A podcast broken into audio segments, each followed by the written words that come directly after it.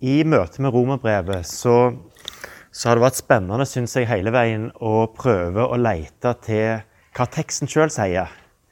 Eh, mye i teologien handler jo om å se sammenhenger og få overblikk. og eh, Jeg merka sist gang at jeg rota meg ganske langt inn i en del ting som egentlig var utenom teksten, men det var kanskje fordi jeg syntes det var så spennende sjøl. Eh, men jeg tenker at det er her vi skal prøve å holde fokuset inndeling av romerbrevet, bare liksom for å ha det med, så er jo noe av det som vi har sett på til nå, grunnlaget, rettferdighet ved tro. Og så kapittel 5-8, som er livet i nåden. Altså hva skjer da videre med oss som er blitt rettferdiggjort i Kristus? Hva er det med livet i Kristus og spenningen i det? Så er det der vi skal ha fokus i dag. Hva med jødene i Israel? Kapittel 9-11. Det bruker Paulus to kapitler, tre kapitler til å måtte drøfte fram og tilbake. Men mye av de tingene han tar opp, har han jo allerede lagt en del føringer på tidligere. Og så kommer det en del konkrete oppfordringer i både, både nådegaver og enhet, eh, før han avslutter med planene sine om å reise videre til Spania for å forkynne evangeliet der, etter han har vært innom menigheten i Roma.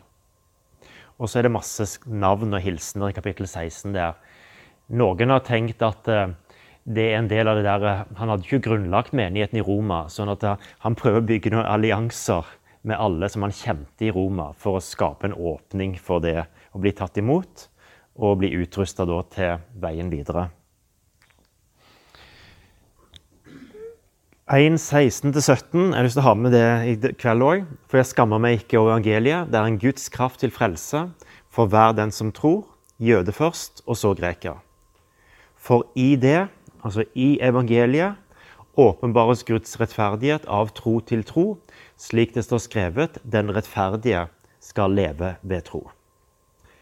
Og Bare for å pense innom den en gang til altså Det derre 'i det' er utrolig viktig for å forstå det Paulus òg skriver om Guds vrede og Guds dom. For når Paulus skriver til romerbrevet, så er det veldig tydelig i evangeliet og da forstått i det som skjer i Jesu død og oppstandelse, det holder Gud dom. Men Gud holder ikke dom i møte med oss og i møte med livets skiftende måte ups and downs. Der er det ikke der Guds dom eller Guds vrede åpenbares. Men Guds vrede åpenbares i det, i evangeliet, nettopp på korset. Der holder Gud dom over synden og over det onde. Og så stilte vi dette spørsmålet sist er mennesket godt eller vondt. Uh, og det var et, et, et stort spenn. Alle fikk en gul lapp sist. Uh, og det var jo et spenn fra at uh, si, 90% godt og 10% ondt, til det motsatte. Jeg, jeg, tror det er viktig, og kanskje spesielt i møte med folk som ikke er en del av kirka vår, eh, så er det viktig å huske på at Bibelen har grunnleggende sett et positivt menneskesyn. Når det gjelder forståelsen av mennesket skapt i Guds bilde, og alle de gaver som Gud har gitt oss som mennesker, så er det grunnleggende godt. Eh, men i det å skulle frelse seg sjøl, så kommer mennesket til kort. Eh, i det å skulle fri seg sjøl fra den makt som holder oss fast, og bli kvitt synden i oss, der kommer mennesket totalt til kort. Og Da kommer Paulus med, for alle har syndet, og de har ingen del i Guds herlighet. Men ufortjent av Hans nåde blir de erklært rettferdige. Eh, men jeg tror det er viktig å ha med oss at, eh, at vi ikke Fordi om vi kan ha en, en, en, en sunn synsbekjennelse og synserkjennelse og kunne si jeg har synda mot, mot deg, Gud, med det jeg har gjort, og med det jeg har forsømt, eh, så er ikke den bibelske tanken at vi skal gå rundt og trykke hverandre ned som forferdelige mennesker hele tida. Men så var det dette, da, som etter han har skrevet om rettferdigheten og hans måte er livet i nåden, så sier Paulus det gode som jeg vil, gjør jeg ikke, men det onde som jeg ikke vil, det gjør jeg. Og Opp igjennom så har det diskutert er dette et kristent menneskesyn, eller er Paulus tilbake igjen hvordan han ser seg sjøl før han fikk Den hellige ånd og ble det nye mennesket i Kristus. Men jeg kan ikke skjønne hvorfor han velger å ta det opp i kapittel 7 hvis det ikke er en del av argumentasjonen på at vi som har fått nåden og er blitt rettferdige i Kristus, vi kjemper fortsatt med det gode og det onde i oss. Eh, og denne ambivalensen lever vi med. Eh, og derfor eh, så drar han den videre og sier synden skal ikke herske over dere, for det står ikke under loven, men under nåden. Altså denne opplevelsen av å komme til kort, og at vi ikke helt blir kvitt synden, den skal ikke få lov til å ta makt over oss. Fordi i Kristus er vi fri. Vi er i nåden. Og derfor så er det ingen fordømmelse. Og ingenting kan skille oss fra Kristi kjærlighet. Så står det liksom fast som en plattform. Hva da med Israel og folkeslagene? Jeg prøvde meg litt på en liten sånn litt sånn forenkling, bare for å begynne der. Ehm, for mye av Bibelen går jo kan si, fra skapelsen av Abraham inn mot ett punkt i verdenshistorien, nemlig Jesus og Jesu død og oppstandelse. Og Derifra så åpnes bildet igjen mot alle folkeslagene. Eh, og misjonens tid, der alle folk som tror, skal bli frelst helt fra begynnelsen av her, altså når vi begynner med, med Abraham, så er fokuset i deg skal alle folkeslag på jorden velsignes. Det er ikke bare jødene og Israels folk som er Guds fokus i utvelgelsen av Abraham. Men i deg skal alle folkeslag på jorden velsignes, i 1. Moseboks 12. Og det er noe av den tråden som som Paulus plukker opp igjen her borte, eh, når han sier måte, hvem er det som er Abrahams ett. Jo, det er alle troende. Så troen kommer før loven. De tolv stammene, sant? Israels folk. Og så blir dette her mindre, mindre, mindre til vi kommer til Jasaja. Så blir uttrykket en rest. Altså Når Gud holder dom over Judea og Israel, de blir bortført til Babylon, så kommer Jesaja inn med løftet om at en rest skal bli, bli frelst. Altså, Treet blir kapt ned, eh, og av Isais stubb så skal det vokse fram noe nytt. Så det er ikke sånn at alt blir tatt vekk, men av det så skal det vokse fram noe nytt. Det andre som de nytestamentlige forfatterne gjør da i dette, her, det at de sier det at eh, Abrahams ett Jeg bruker det uttrykket der. Så sier de det er lik Kristus.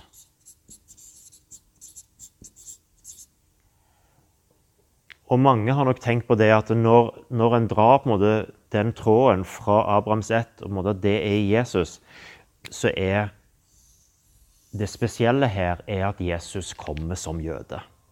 Altså Han blir født som jøde, og er en del av denne bevegelsen kan si, der gjennom Israels folk, eller gjennom jødene, så vil Gud velsigne resten av verden. Hva skjer da på andre sida her, når vi får tolv disipler? Er det sånn at uh, disse tolv, som et nytt tall i forhold til, da erstatter Israels folk? Sånn at det vil si at gudsfolket i Det gamle testamentet erstattes av det nye gudsfolket. De er jo alle jøder, så sånn sett er de en del av den resten. Og gjennom de tolv så vokser det fram et nytt folk. Er det Spørsmålet må det er er det sånn at uh, dette erstatter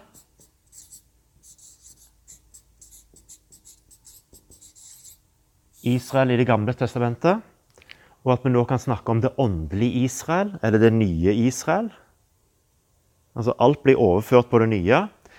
Eller er det på, på, på helt på den andre sida i forhold til de såkalte dispensasjonalistene? Det var et fint ord. Men det, går på en måte, det er en sånn husholdningstenkning som da tenker at det, er flere, flere veier til frelse.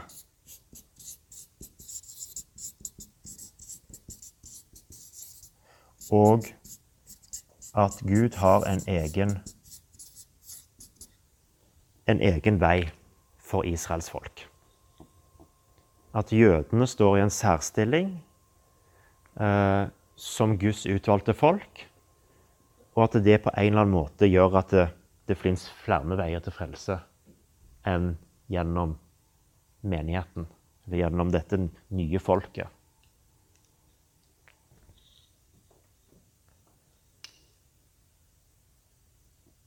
Jeg har lyst til å ta med 1. Peter 2 bare som en sånn liten um, sideblikk her i forhold til sånn som en del av de andre bruker.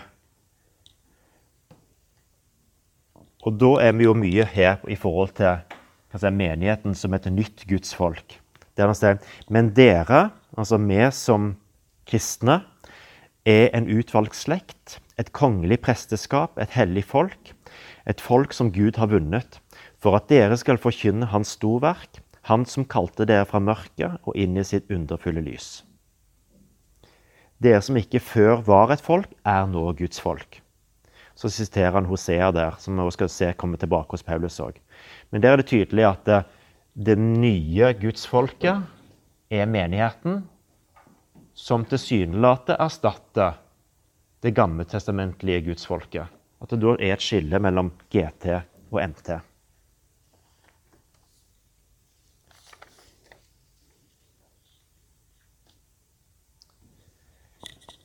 Hovedgreie hos Paulus, bare for å ta litt det med en gang, det er at den kristne menighet er ei grein på Israels stamme. Han bruker bildet av at vi podes inn på det som har vært. Sånn at det, det er ikke noe skille mellom det nye og det gamle. Men vi podes inn i det som Gud allerede har gjort i Det gamle testamentet. Vi podes inn i dette samme gudsfolket. Så er det ikke på en måte et før og et etter med det samme gudsfolket. Og han går enda lenger og sier de troende av både jøder og folkeslagene er arvinger til løftene. Abrahams løfte er ikke knytta til jøder og ikke til folkeslagene, men de samme løftene knytta til både jøder og folkeslagene. Og det er de troende som er de sanne Abrahams barn. Og det tror jeg at eh, sjøl på Paulus sin tid, og kanskje nettopp fordi Paulus er jøde sjøl, eh, at eh, han går ganske langt i en del av sine uttalelser. Hadde det vært hedningekristne som sa det samme, så tror jeg fort det der kunne skapt mye trøbbel òg i den første kristne menighet. Men vi må huske på at Paulus skriver til romerne hovedmålgruppa er hedningekristne. Så det er jo det ene. Og samtidig så skal han prøve å balansere dette her mot sitt eget folk. Så er det spørsmålet midt oppi dette her da. Er det løftet til Israel som ennå ikke er oppfylt? Er det sånn at Israel og jødene skal spille en spesiell rolle i endetiden? At i Guds verdens herredømme og i den siste tid Slaget på Hermageddon er blitt referert til. Er det sånn at det, det i vil skje noe spesielt der Israel ennå spiller en spesiell rolle? Og er det sånn at det vil komme en ny vekkelsestid for jødene spesielt?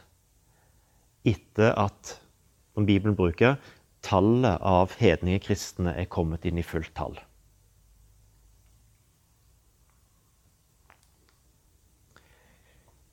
Jeg fant en artikkel, og han sier sånn som dette her eh, i forhold til Den som setter et radikalt skille mellom Israel og menigheten i åndelig betydning, går ut over det Bibelen sier. Jeg er ganske enig i det utsagnet i forhold til det at setter vi et veldig radikalt skille, så tror jeg vi går utover Bibelen, og vi går i alle fall utover romerbrevet. Jeg, vet du hva? Jeg kjenner han ikke. Uh, Bibelforum er en nettside der jeg fant en ganske fornuftig artikkel om Israel og menighetene, Israel og folkeslagene. Men om han er sønnen til hurraen som har jobba i Bibelselskapet, det vet jeg ikke. Kjenner du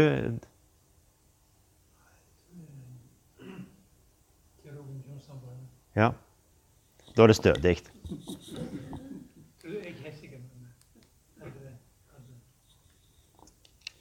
Vi tar litt av, hva si, Før vi kommer til kapittel 9-11, så la oss ta noen blikk på hva Paulus sier i resten av romerbrevet. Han begynner med Gud gjør ikke forskjell på folk. Jøde først, ja, og så greker. Det fins et før og en rekkefølge i forhold til hvordan Gud har åpenbart ting. Men når han skal konkludere på, på, på, hva det betyr i forhold til å være Guds folk, i forhold til frelse, så sier han Gud gjør ikke forskjell på folk. Og det her må han begynne å provosere sine egne, tenker jeg. At jøde er den som er jøde i det indre, omskåret i hjertet ved Den hellige ånd. Altså, så Han bruker på det som var kjennetegnet på pakten til jødene og Abraham og omskjærelsen. Og så omtolker han det da inn i en åndelig betydning av det. At det er det som Den hellige ånd gjør med oss i dåpen. Er vel Gud bare jødenes gud? Nei, også for folkeslagene. Og begrunnelsen hans er fordi Gud er én. Fordi Gud er én, én skaper, så må Gud være alle folkeslagene sin Gud, og ikke bare jødenes Gud. Abraham sitat, er far til alle uomskårne som tror. Altså Fordi at han blir på en måte troens forbilde, så blir han far til alle uomskårne som tror. Og så legger han til, når jeg bare forkorter litt setningen, og alle omskårne som tror. Og i den første bolken når han skal oppsummere hele dette her forholdet mellom alle har syndet og alle blir rettferdige, så trekker han ikke tråden tilbake til Abraham, men til Adam. Og hvorfor gjør han det? Jo, for det handler om alle folkeslag. Alle folkeslag går ut fra Adam. Det er Israel som går ut fra Abraham. Eh, og derfor, når han trekker må tråden helt tilbake til skapelsen, så er nettopp for å vise at dette gjelder alle folkeslag og ikke bare jødene spesielt.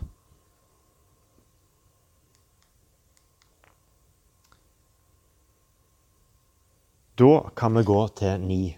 9 til 11. Og jeg tror vi skal ta oss tid til å lese noen tekster. Vi kan begynne med å se på begynnelsen der, på Romerbrevet 9.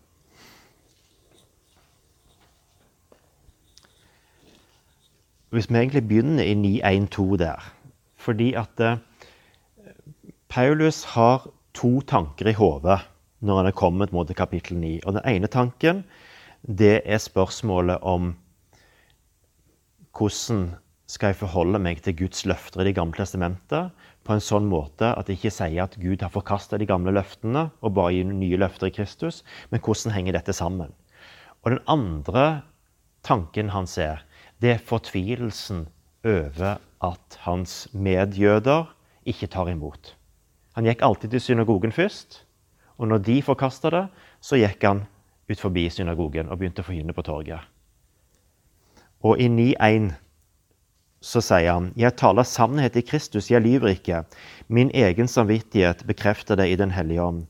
'Jeg bærer stor sorg i hjertet og plages uavbrutt.' 'Ja, jeg skulle gjerne være forbannet og skilt fra Kristus, om det bare kunne være til hjelp for mine søsken, de som er av samme kjøtt og blod som jeg.'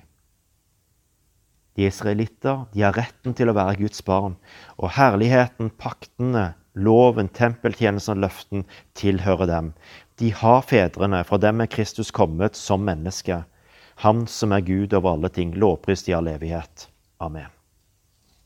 Så han ser på dette flotte tempelet tempeltjenesten og alt det som måtte, Israels folk har fått lov til å være med på. Og så kjenner han på en sånn djup nød. Hvordan hvordan skal jeg klare å overbevise dem om at Jesus er Messias? Og Det er den tråden han plukker opp i 10.1 òg, når han sier søsken, mitt hjertes ønske og min bønn til Gud er at de må bli frelst. Altså medjøder må bli frelst. Men så kommer vi til 6-8. Og der begynner argumentasjonen. Det er ikke slik at Guds ord har slått feil. For ikke alle israelitter tilhører virkelig Israel. Og ikke Abrahams etterkommere er Abrahams barn. Det står jo gjennom Isak skal du få en ett som kan kalles din. Det betyr det er ikke de som er hans barn av kjøtt og blod, som er Guds barn. Bare dem som er barn ut fra løftet, regner han som Abrahams ett. Så det begynner hans argumentasjon om det som Hode har sagt, at det, er de troende som er Abrahams ett. Og her går han måte enda lenger sier ikke hans barn av kjøtt og blod, som er Guds barn. Bare dem som er barn ut fra løftet, regner han som Abrahams barn.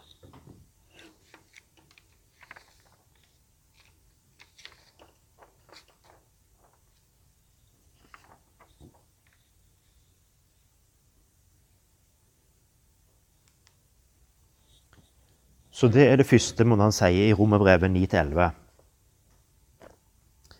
Det han da fortsetter med, og da må vi hoppe bitte litt til 9.25. For der eh, siterer han Hosea. Slik sier han dere der, det hos Hosea. Det folk som ikke var mitt folk, vil jeg kalle mitt folk. Og henne jeg ikke elsket, vil jeg også kalle min elskede. Og så fortsetter han i vers 27. Og Jesaja roper utover Israel. Om Israels barn var så tallrike som havets sand, skal bare en rest bli frelst. Og Der henter han opp igjen Jesaja-tanken om at det er en rest eh, som da blir ført videre i det nye folket, og at alle folkeslagene blir ført inn i det samme gudsfolket.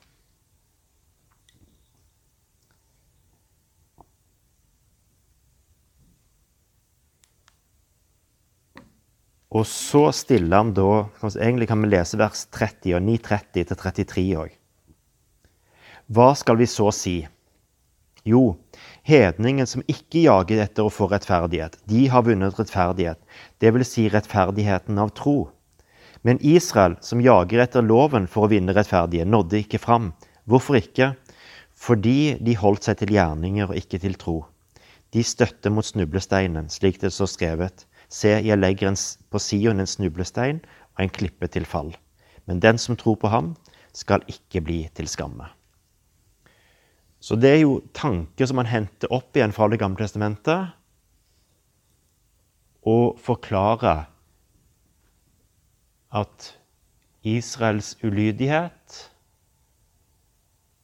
fører til at det bare da er en rest som blir ført videre men at løftet som ble gitt til Israel, det går helt tilbake til Abraham, og da gjelder alle de som det er troens barn, de blir en del av gudsfolket.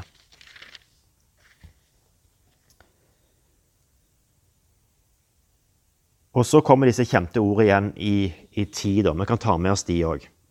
Jeg leser fra 10 fra 9 til 12 der.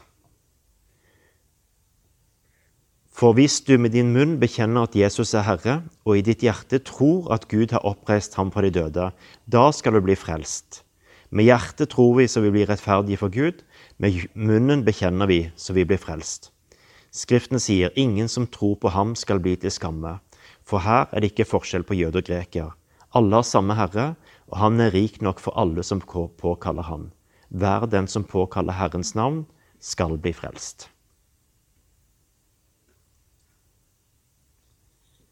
Og så stiller han da tre spørsmål.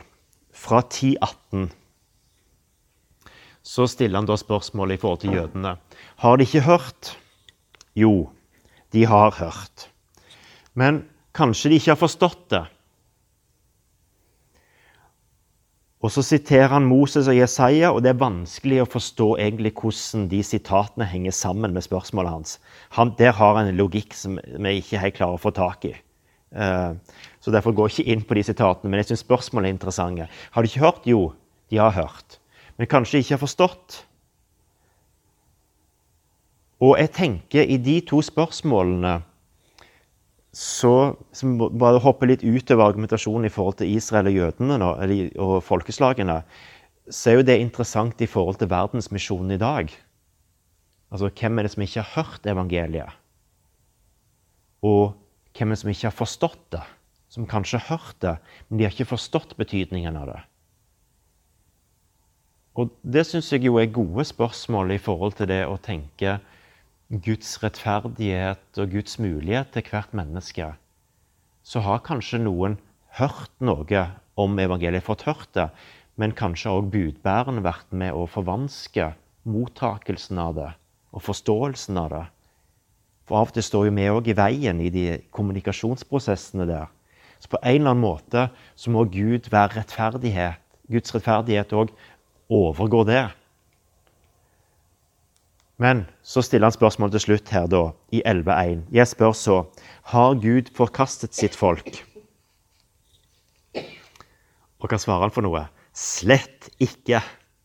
Slett ikke.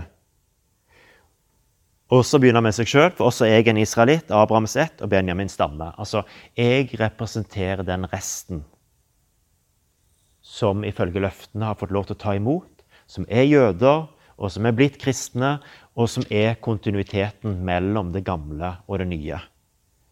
Så det er den ene måten argumentasjonen han bruker. At jeg er en del av den resten. Og det er det han bruker i 10.5.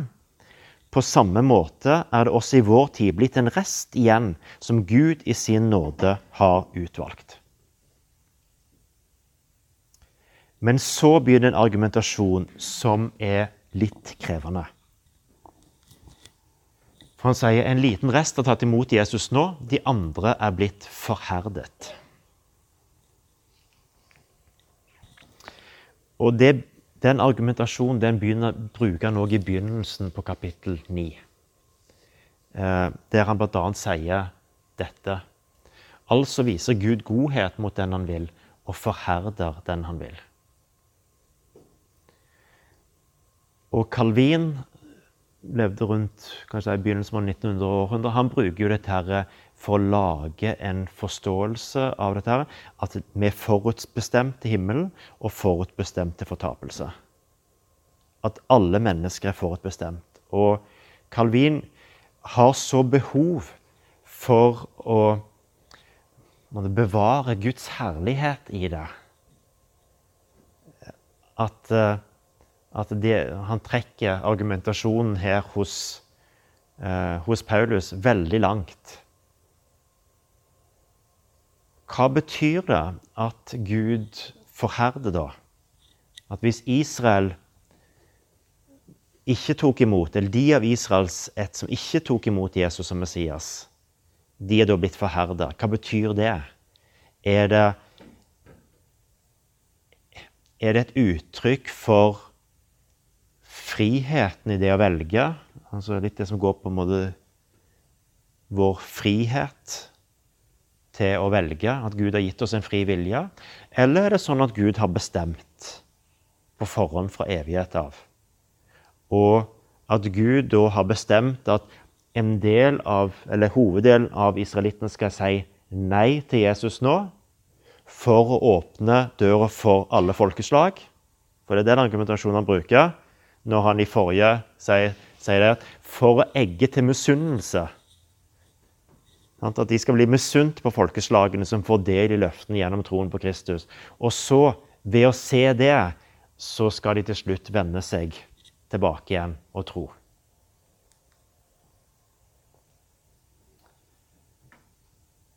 Vi har jo hørt det litt kan si, i forhold til farao. Ut, utgangen i Egypt. Gud forherdet farao. Vi har vært innom det i forhold til Judas Iskariot. Hva var det noen som gjorde at han ble forherda og fortsatte å si nei til Jesus, selv om han hadde levd sammen med han? Jeg er nok litt der at, eh, at det, her er det mange ting jeg ikke forstår, og at eh, jeg må holde fast på vår frihet til å velge vår frie vilje. Jeg må nesten velge det som, som en hovedtolkning. Og han ene som prøvde å, å utlegge akkurat dette verset, her, han sier at i 9.15 så siterer eh, Paulus Det gamle testamentet,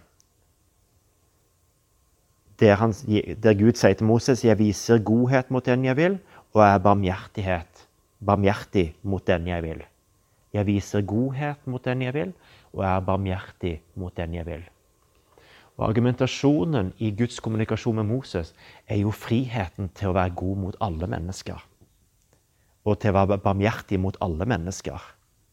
Sant? Og det, hvis det er argumentasjonen, så er det, litt, er det ikke det at, at, Gud skulle ha en bevisst bestemmelse liksom for å forherde noen. Men alt er jo tilgjengelig i Kristus, på en måte, sånn som Paulus legger ut romerbrevet. Så er det jo at muligheten til å tro på Jesus er åpen for alle. Og det fins ingen vei til frelse gjennom gjerninger, kun ved troen på Jesus. Men dette er litt krevende vers å forholde seg til. Og så avslutter han da i 1126 med at når denne folkeslagen har kommet inn i sitt fulle tall, så skal hele Israel bli frelst. Er det da sånn at Gud har en egen frelsesvei for jødene? eller at Gud i sin plan har Hva tror dere? Hva mener jeg med det at hele Israel skal bli frelst? Her er det nok tydelig ikke det nye Israel. Altså, det, det er iallfall ikke så lett å lese det ut, fordi at uh, han spør jo har Gud forkastet sitt folk, altså det opprinnelige Guds folk i Det gamle testamentet. Slett ikke. Sånn? En rest hedninge, folkeslagene, skal komme inn. Uh, og så sier han for Gud har makt til å pode dem inn igjen. Altså de greinene som ble kutta av treet fordi de var ulydige, de har Gud makt til å pode inn igjen. Og i det så tenker jeg så ligger det jo at uh, på samme måte som alle folk, så har jødene òg en mulighet til å ta imot Jesus i hver generasjon. Så det klart Den mulighet til å poda inn, for den må jo være der på samme måte som Gud åpner dørene for alle folkeslag. Men så sier han, 'Jeg vil at dere skal kjenne til en hemmelighet, søsken', så dere ikke skal ha for høye tanker om dere selv. Altså romerne skal ikke ha for høye tanker om seg sjøl. En del av Israel er blitt forherdet, inntil hedningen er kommet inn i fullt tall. På denne måten skal hele Israel bli, Israel bli frelst slik det står skrevet. Fra Sion skal redningsmannen komme, han skal ta bort gudløsheten for Jakob, og dette skal være min pakt med dem når jeg tar bort syndene deres. Og så er det vanskelig å skjønne den argumentasjonen videre der. Når han ender opp da i en lovprisning av Guds uransakelige veier. Uransakelig hans dommer, hvor ufattelig hans veier er.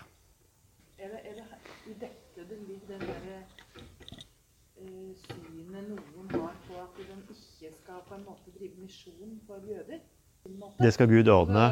Ja. For det, det, er jo en uenighet der mellom ja. de som driver si, Sånn som Israelsmisjonen, som driver misjon mm. jøder, og så har du mm. noen av disse andre, andre Israels-engasjerte som ikke vil eh, på en måte forkynne evangeliet for å få jøder til å bli kristne. Ja. Altså, det, igjen, du kan lese dette her, at her er Guds plan. Sant? At uh, jødene de skal si nei. Og så skal evangeliet forkynnes for alle folkeslag, og så skal det på en eller annen måte vende tilbake til jødene da, til slutt. Og Hvis en tenker veldig sånn etappevis på det der, så vil en si nei til jødemisjon. Uh, men Paulus går jo til jødene sjøl.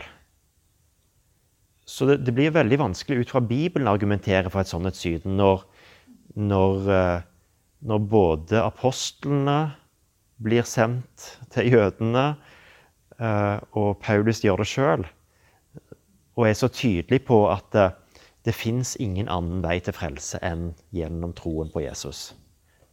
Jøde først, og så greker, ville han sagt i, i romerbrevet. Men det som blir komplisert, syns jeg, det, det er det er den der, altså hvis, hvis, Gud skal ha en egen plan med Israel som, som, er en sånn spesialbehandling av de i forhold til andre folkeslagene, så strider det mot alt det Paulus ellers sier om at uh, Gud er én. Gud har skapt alle. Adam og Kristus. Eh, Gud gjør ikke forskjell på folk, som man siterer fire-fem ganger i romerbrevet. Så det, det, er derfor jeg nesten, nesten velger jeg, jeg velger nesten å ta dette her som Paulus sin håpsteologi i møte med fortapelsen. Altså for å slippe å forholde seg til eh, tanken om at alle disse mine slekt og familie og venner blant jødene skal gå fortapt, så overlater jeg de i Guds hender i håp om at Gud til slutt skal frelse mye, mange flere enn det vi tror i dag. Eller de som tilsynelatende har tatt imot i dag. Og En sånn håpsteologi syns jeg jo er fint å ha med seg i møte med egne familiemedlemmer. Hvis vi skal ta det nært inn til oss sjøl. At det å få lov til å overgi det i Guds hender, sjøl om de ikke har tatt imot Jesus på en tydelig måte her i dette livet. Og Så er det jo spørsmålet hvor langt kan vi gå langs den, den veien da? Altså, Paulus går jo ganske langt i, i kapittel 5 eller 6 der, der han, han Altså hvis dere har fulgt litt debatten og han godeste er hos en del av oldfedrene, bl.a. Origenes, som, som, tror at Gud til syvende og sist skal gjenopprette alle ting. Og at alt skal føres tilbake igjen til Kristus. Um, I 5.18 så sier Paulus altså som ett menneskets fall ble til fordømmelse for alle mennesker slik fører ett menneskets rettferdige gjerning til frifinnelse og liv for alle. Så der ligger det jo en tanke. Det er samme tankegangen på at, hvis det er ikke forskjell, fordi at vi alle måte, er skapt av Gud. Uh, og at, så, så, er det ikke noe forskjell på folkeslag, det er ikke forskjell på kjønn. Det er ikke forskjell på sosiale nivåer i dette. For, du sier vel litt om den, den sideveien der. Ja det hva du har for identitet, så ser du er det alle som er mennesker, er, har samme bil. så å Ja, men, men jeg, tror, jeg, tror, det er viktig å ha litt det der bildet der med oss. At, eh, at vi du kan si, i, verste fall, hvis vi tenker liksom, hva er de mest negative konsekvensene av å forkaste Israel? Og, og eventuelt ende opp i en veldig negativt syn på Israel. Eh, det, det er jo eh, Luther og jødene, hvis vi tar det, det nære i forbindelse med Luther-jubileet, så er det jo det er rart at en person som Luther, med et så tydelig gjenoppdagelse av Guds nåde i Kristus, klarer å forene det med et så negativt syn på jødene. Han som så tydelig sier at vi står alle under Guds dom og trenger alle Guds frelse. Og likevel eh, så gir han jødene et måte, særlig ansvar for korsfestelsen av Jesus. Akkurat som ikke med alle folkeslagene er inkludert i det å forkaste Kristus. Det, det er helt merkelig eh, hvordan Luther blir påvirka av samtida der. Eh, og Det verste tilfellet er jo Hitler, sant, som bruker dette her mot jødene fordi at de de korsfesta Jesus. Eh, og derfor så bestemmer han seg for å utslette alle jøder. Eh, det er jo en sånn merkelig tankegang at det går an å forene en sånn forståelse av evangeliet med å skulle straffe eh, det jødiske folk for det de gjorde mot Jesus. Antagelig. Antagelig. Men, men, men at ikke at, ja, Det var en del prester og teologer som heiv seg med på en del der. Ble revet med. Men jeg, jeg tror som du at det, antagelig så ble en revet med, og så fant en de begrunnelsene som en ville finne. Samtidig gjennom den linjen som, som Abraham som Jesus kom også. Helt klart.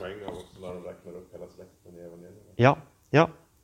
Og Der ser vi jo at Matteus går tilbake til Abraham, Lukas går tilbake til Adam. Sant? Vel, for å trekke linja enda lenger tilbake. Men det er jo dette for, for å se Gud, den røde tråden i Guds frelseshistorie. Eh, og Derfor så er jo en del av si, Det gamle testamentet er ikke bare Israels historie, men det er vår historie. Fordi at vår linje òg går tilbake til Abraham og til skapelsen. Og Derfor syns jeg det er det er for så vidt greit å si at det, det erstatter ikke, men det viderefører.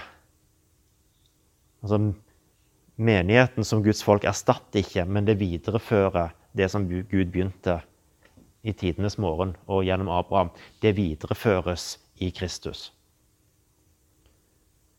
Og så blir, eh, som han Guttorm Raen sier, at det, det, å snakke om det åndelige Israel, eller det nye Israel, blir likevel rett teologisk eller rett bibelsk å si at det, det, er, det er der det videreføres, det som ble gitt til Abraham i sin tid. Det videreføres gjennom menigheten og det nye Eller ikke det nye. Det kan si, Dette gudsfolket som blir poda inn da, på det gamle. Men jeg er nok grunnleggende kan si, universalist i forhold til det at, at skapelsen og Guds plan for alle folkeslag er det fra starten av. Eh, om den går via Abraham og Israels folk og, og den veien der, så er likevel alltid eh, I deg skal alle folkeslag på jorden velsignes til Abraham. Eh, og jeg tror det var det hvis vi tenker litt at den snevre forståelsen av Israel, både i utryddelsen av de andre folkeslagene når de inntok Kanaan, og retten til å drepe og ødelegge, eh, blir en sånn misforstått forståelse av hva de var kalt det som Guds folk. Og Derfor så blir en del av tolkningene òg på helligkrigene eh, For min del så blir nok det en, en, at de misforstår den planen som Gud hadde kalt dem til. Uh, Istedenfor å tenke det som at Gud står bak og sier dere skal utrydde alle de andre. For jeg bryr meg ikke om kanoneeren og jebuskitten og de alle de andre, for det er dere som er mitt folk. Det, strider litt mot hele den tanken om at Gud har skapt alle. Uh, og så vil noen trekke Det gamle testamentet med seg videre, da i forhold til Hvis Gud bruker Det gamle testamentet også som en forberedelse til Kristus, hvorfor kan ikke Gud òg bruke da andre religiøse veier som en forberedelse til Kristus? Og det blir jo en sånn spørsmål Ser vi på andre religioner som djevelens verk og som det onde? Eller ser vi det i beste fall som menneskets søken etter svar og etter Gud? Og at den søken kan ta forskjellige veier og forhåpentligvis komme fram til at en får del i Kristus og evangeliet. Det merka jeg for min del var veldig frigjørende i det å være misjonær i Thailand. Og, og kunne tenke at Guds vei med, med buddhisten som jeg møter, starter ikke i det øyeblikket han møter meg som misjonær, eller hun møter meg som misjonær, men det starter fra den dagen de ble født. Inn i Guds verden. Og at Gud på mange måter hadde åpenbart ting gjennom sin allmenne åpenbaring som da evangeliet kunne bygge videre på i det å skape en bro inn til at evangeliet ble meningsfullt. Og Da ble det spennende òg istedenfor å bare tenke svart-hvitt. Altså før så var du sånn, nå er du sånn. Eh, så var det òg Og det er nok litt en japansk teolog som utfordra meg ganske sterkt på det helt i begynnelsen, eh, og som sa det at Eh, måten vi snakker om det som har vært før, er med å enten bygge broer til den familie og slekt de er en del av, eller distansere dem fra den slekt og den familien de er en del av. Og selv om vi kan tenke om menigheten som den nye familie, og at det er nye relasjoner der, så er slekt og familie ganske grunnleggende for oss. Eh, og vi påtar oss et veldig stort ansvar som menighet eh, hvis vi forventer liksom et brudd med familie og slekt, eh, og tenker at nå skal du bare bli adoptert inn i den nye familien.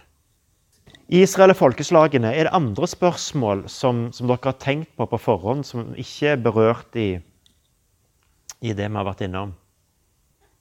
Dere er med på tankegangen i forhold til altså, Betyr det at vi altså, vår behandling av Israel i dag, og staten Israel, hvis du trekker enda langt, har noen betydning i forhold til hva vi som kristne er forplikta til. altså, det, det er tvil, altså, Jeg er ikke i tvil om at hadde Paulus levde i dag, iallfall sånn som argumenterer i Rombrevet, så er det langs denne linja her. Det vil si at det fins ikke eh, det fins ikke noe sant Israel utenom det Israel som er i denne linja. Eh, så det eneste tingen han åpner opp for, er egentlig at de som er blitt kutta av sant? Uh, og i det bildet så, så, så, så er, det dermed at de kan bli poda inn igjen i dette. Og her, altså i, i de troende og i den kristne menighet så er det sanne Israel til stede. Uh, og i forhold til landløftet, bare for å ta landløftet, så, tror jeg at eh, Paulus hadde aldri vært med å argumentere for opprettelsen av staten Israel i 1948 som en del av oppfyllelsen av Guds landløfte. Eh, for det har han allerede flytta opp til himmelen i hebreerbrevet. Altså, selv landløftet blir flytta til det nye landet eh, og himmelen. Eh, sånn at tror, Paulus ville ikke vært med på den linja, det tror jeg. Men igjen, kanskje romerbrevet gir oss løsningen på, på det òg, i forhold til at hvis Paulus hadde tenkt at politisk at, at, jødene skulle ha et eget fordel, en egen rettighet eller noe sånt. Hvorfor går han da inn i forhold til styresmakten i kapittel 13 i Romerbrevet eh, og sier at alle styresmakter er innsatt av Gud? Altså at det, det politiske har sin sitt, si, eh, ytter, må det ytterste rett så har det politiske sitt mandat fra Gud til å opprettholde lov og orden og gode samfunnsstrukturer. Og så lenge staten gjør det, så skal vi som kristne òg vise respekt for den ikke-kristne staten. Altså, og, og det, det, er jo i møte med romerne, som er undertrykkerne til Palestina. Altså, her, her er, det, det, er noe, det, er ganske radikale ting han skriver i kapittel 13 her. Eh, når han sier at vi skal be for, for keiseren. Sant vel? Vår undertrykker. Ja. Sant? Altså, be for det. Uh, og uh, styresmakten er en Guds tjener til beste for deg. Skal vi se Romerbrevet Ja, endog landløftet. brevene 4, 1 og 11, 16. Hebrevet 4, La oss se, for det, jeg lest, fikk ikke lest det før jeg kom her i dag. Men nå skal vi se hva som står der. Ja, altså det, det, det, som er, er, metaforen som man bruker der, det er at uh, Guds folk har en hvile i vente. På samme måte som de så fram imot Kanans land, uh, så ser vi fram imot mot himmelen. Så det kan du si ok, Er det bare en metafor som dras videre, eller er det er det kan si at landløftet erstattes med et nytt landløfte til Israels folk. Uh, men så ser, henviser han òg til 11.16. Eh, og det er vel der òg det står at vi ser fram mot Ja. Sant? Men nå er det et, et bedre land de lengter etter, det himmelske. Derfor skammer ikke Gud seg over den, men vi kalles deres Gud, for han har gjort i stand en by til dem. Så Der er det jo veldig tydelig inn mot landløftet, som mer er spesifikt enn det var i kapittel, i kapittel 4. Eh, så er det en diskusjon da, er det Paulus som har skrevet hebreerbrevet altså med en annen sekretær, eller vi er ikke helt sikre på forfatterskapet der. Eh, en del av kirkefedrene tillegger jo hebreerbrevet til Paulus. Men det er iallfall kommet inn i kanon eh, som, som en del av Altså at sjøl landløftet flyttes over til det nye Israel. Sånn at det, der tenker nok igjen, altså Hvis jeg tar Romerbrevet 13 og styresmakten og sånn, så vil jeg sagt at, det, at det forholdet mellom Israel og Palestina blir et spørsmål om folkeretten uh, og menneskerettigheter og menneskeverd. Altså, det er det som må være diskusjonen, ikke om de har en spesielt rett til sånn og sånn. Uh, det er nok der jeg havner i forhold til og så Selv om jeg havner der, så er det klart at, eh, at eh, antisemittisme og det at jødene er blitt forfulgt opp igjen, gjør jo at, at vi òg står i gjeld til jødene.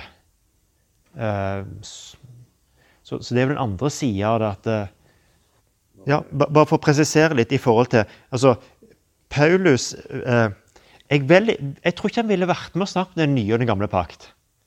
Han ville sagt at den nye pakt er gitt til Abraham, men fullendes i Kristus. Altså, det er nok hans logikk. Altså, eh, han, han, tenker ikke så mye i det nye og det gamle, tror jeg. I den linja her så trekker han på en måte det samme linja. Det er én pakt. Troens pakt, som er gitt til Abraham. Jeg ser tida, tida er gått. Eh, takk for, takk for følget. Jeg syns det, det, var veldig spennende å lese rombrevet på nytt igjen. Altså, jeg må si det, så, så for meg har dette vært veldig gøy.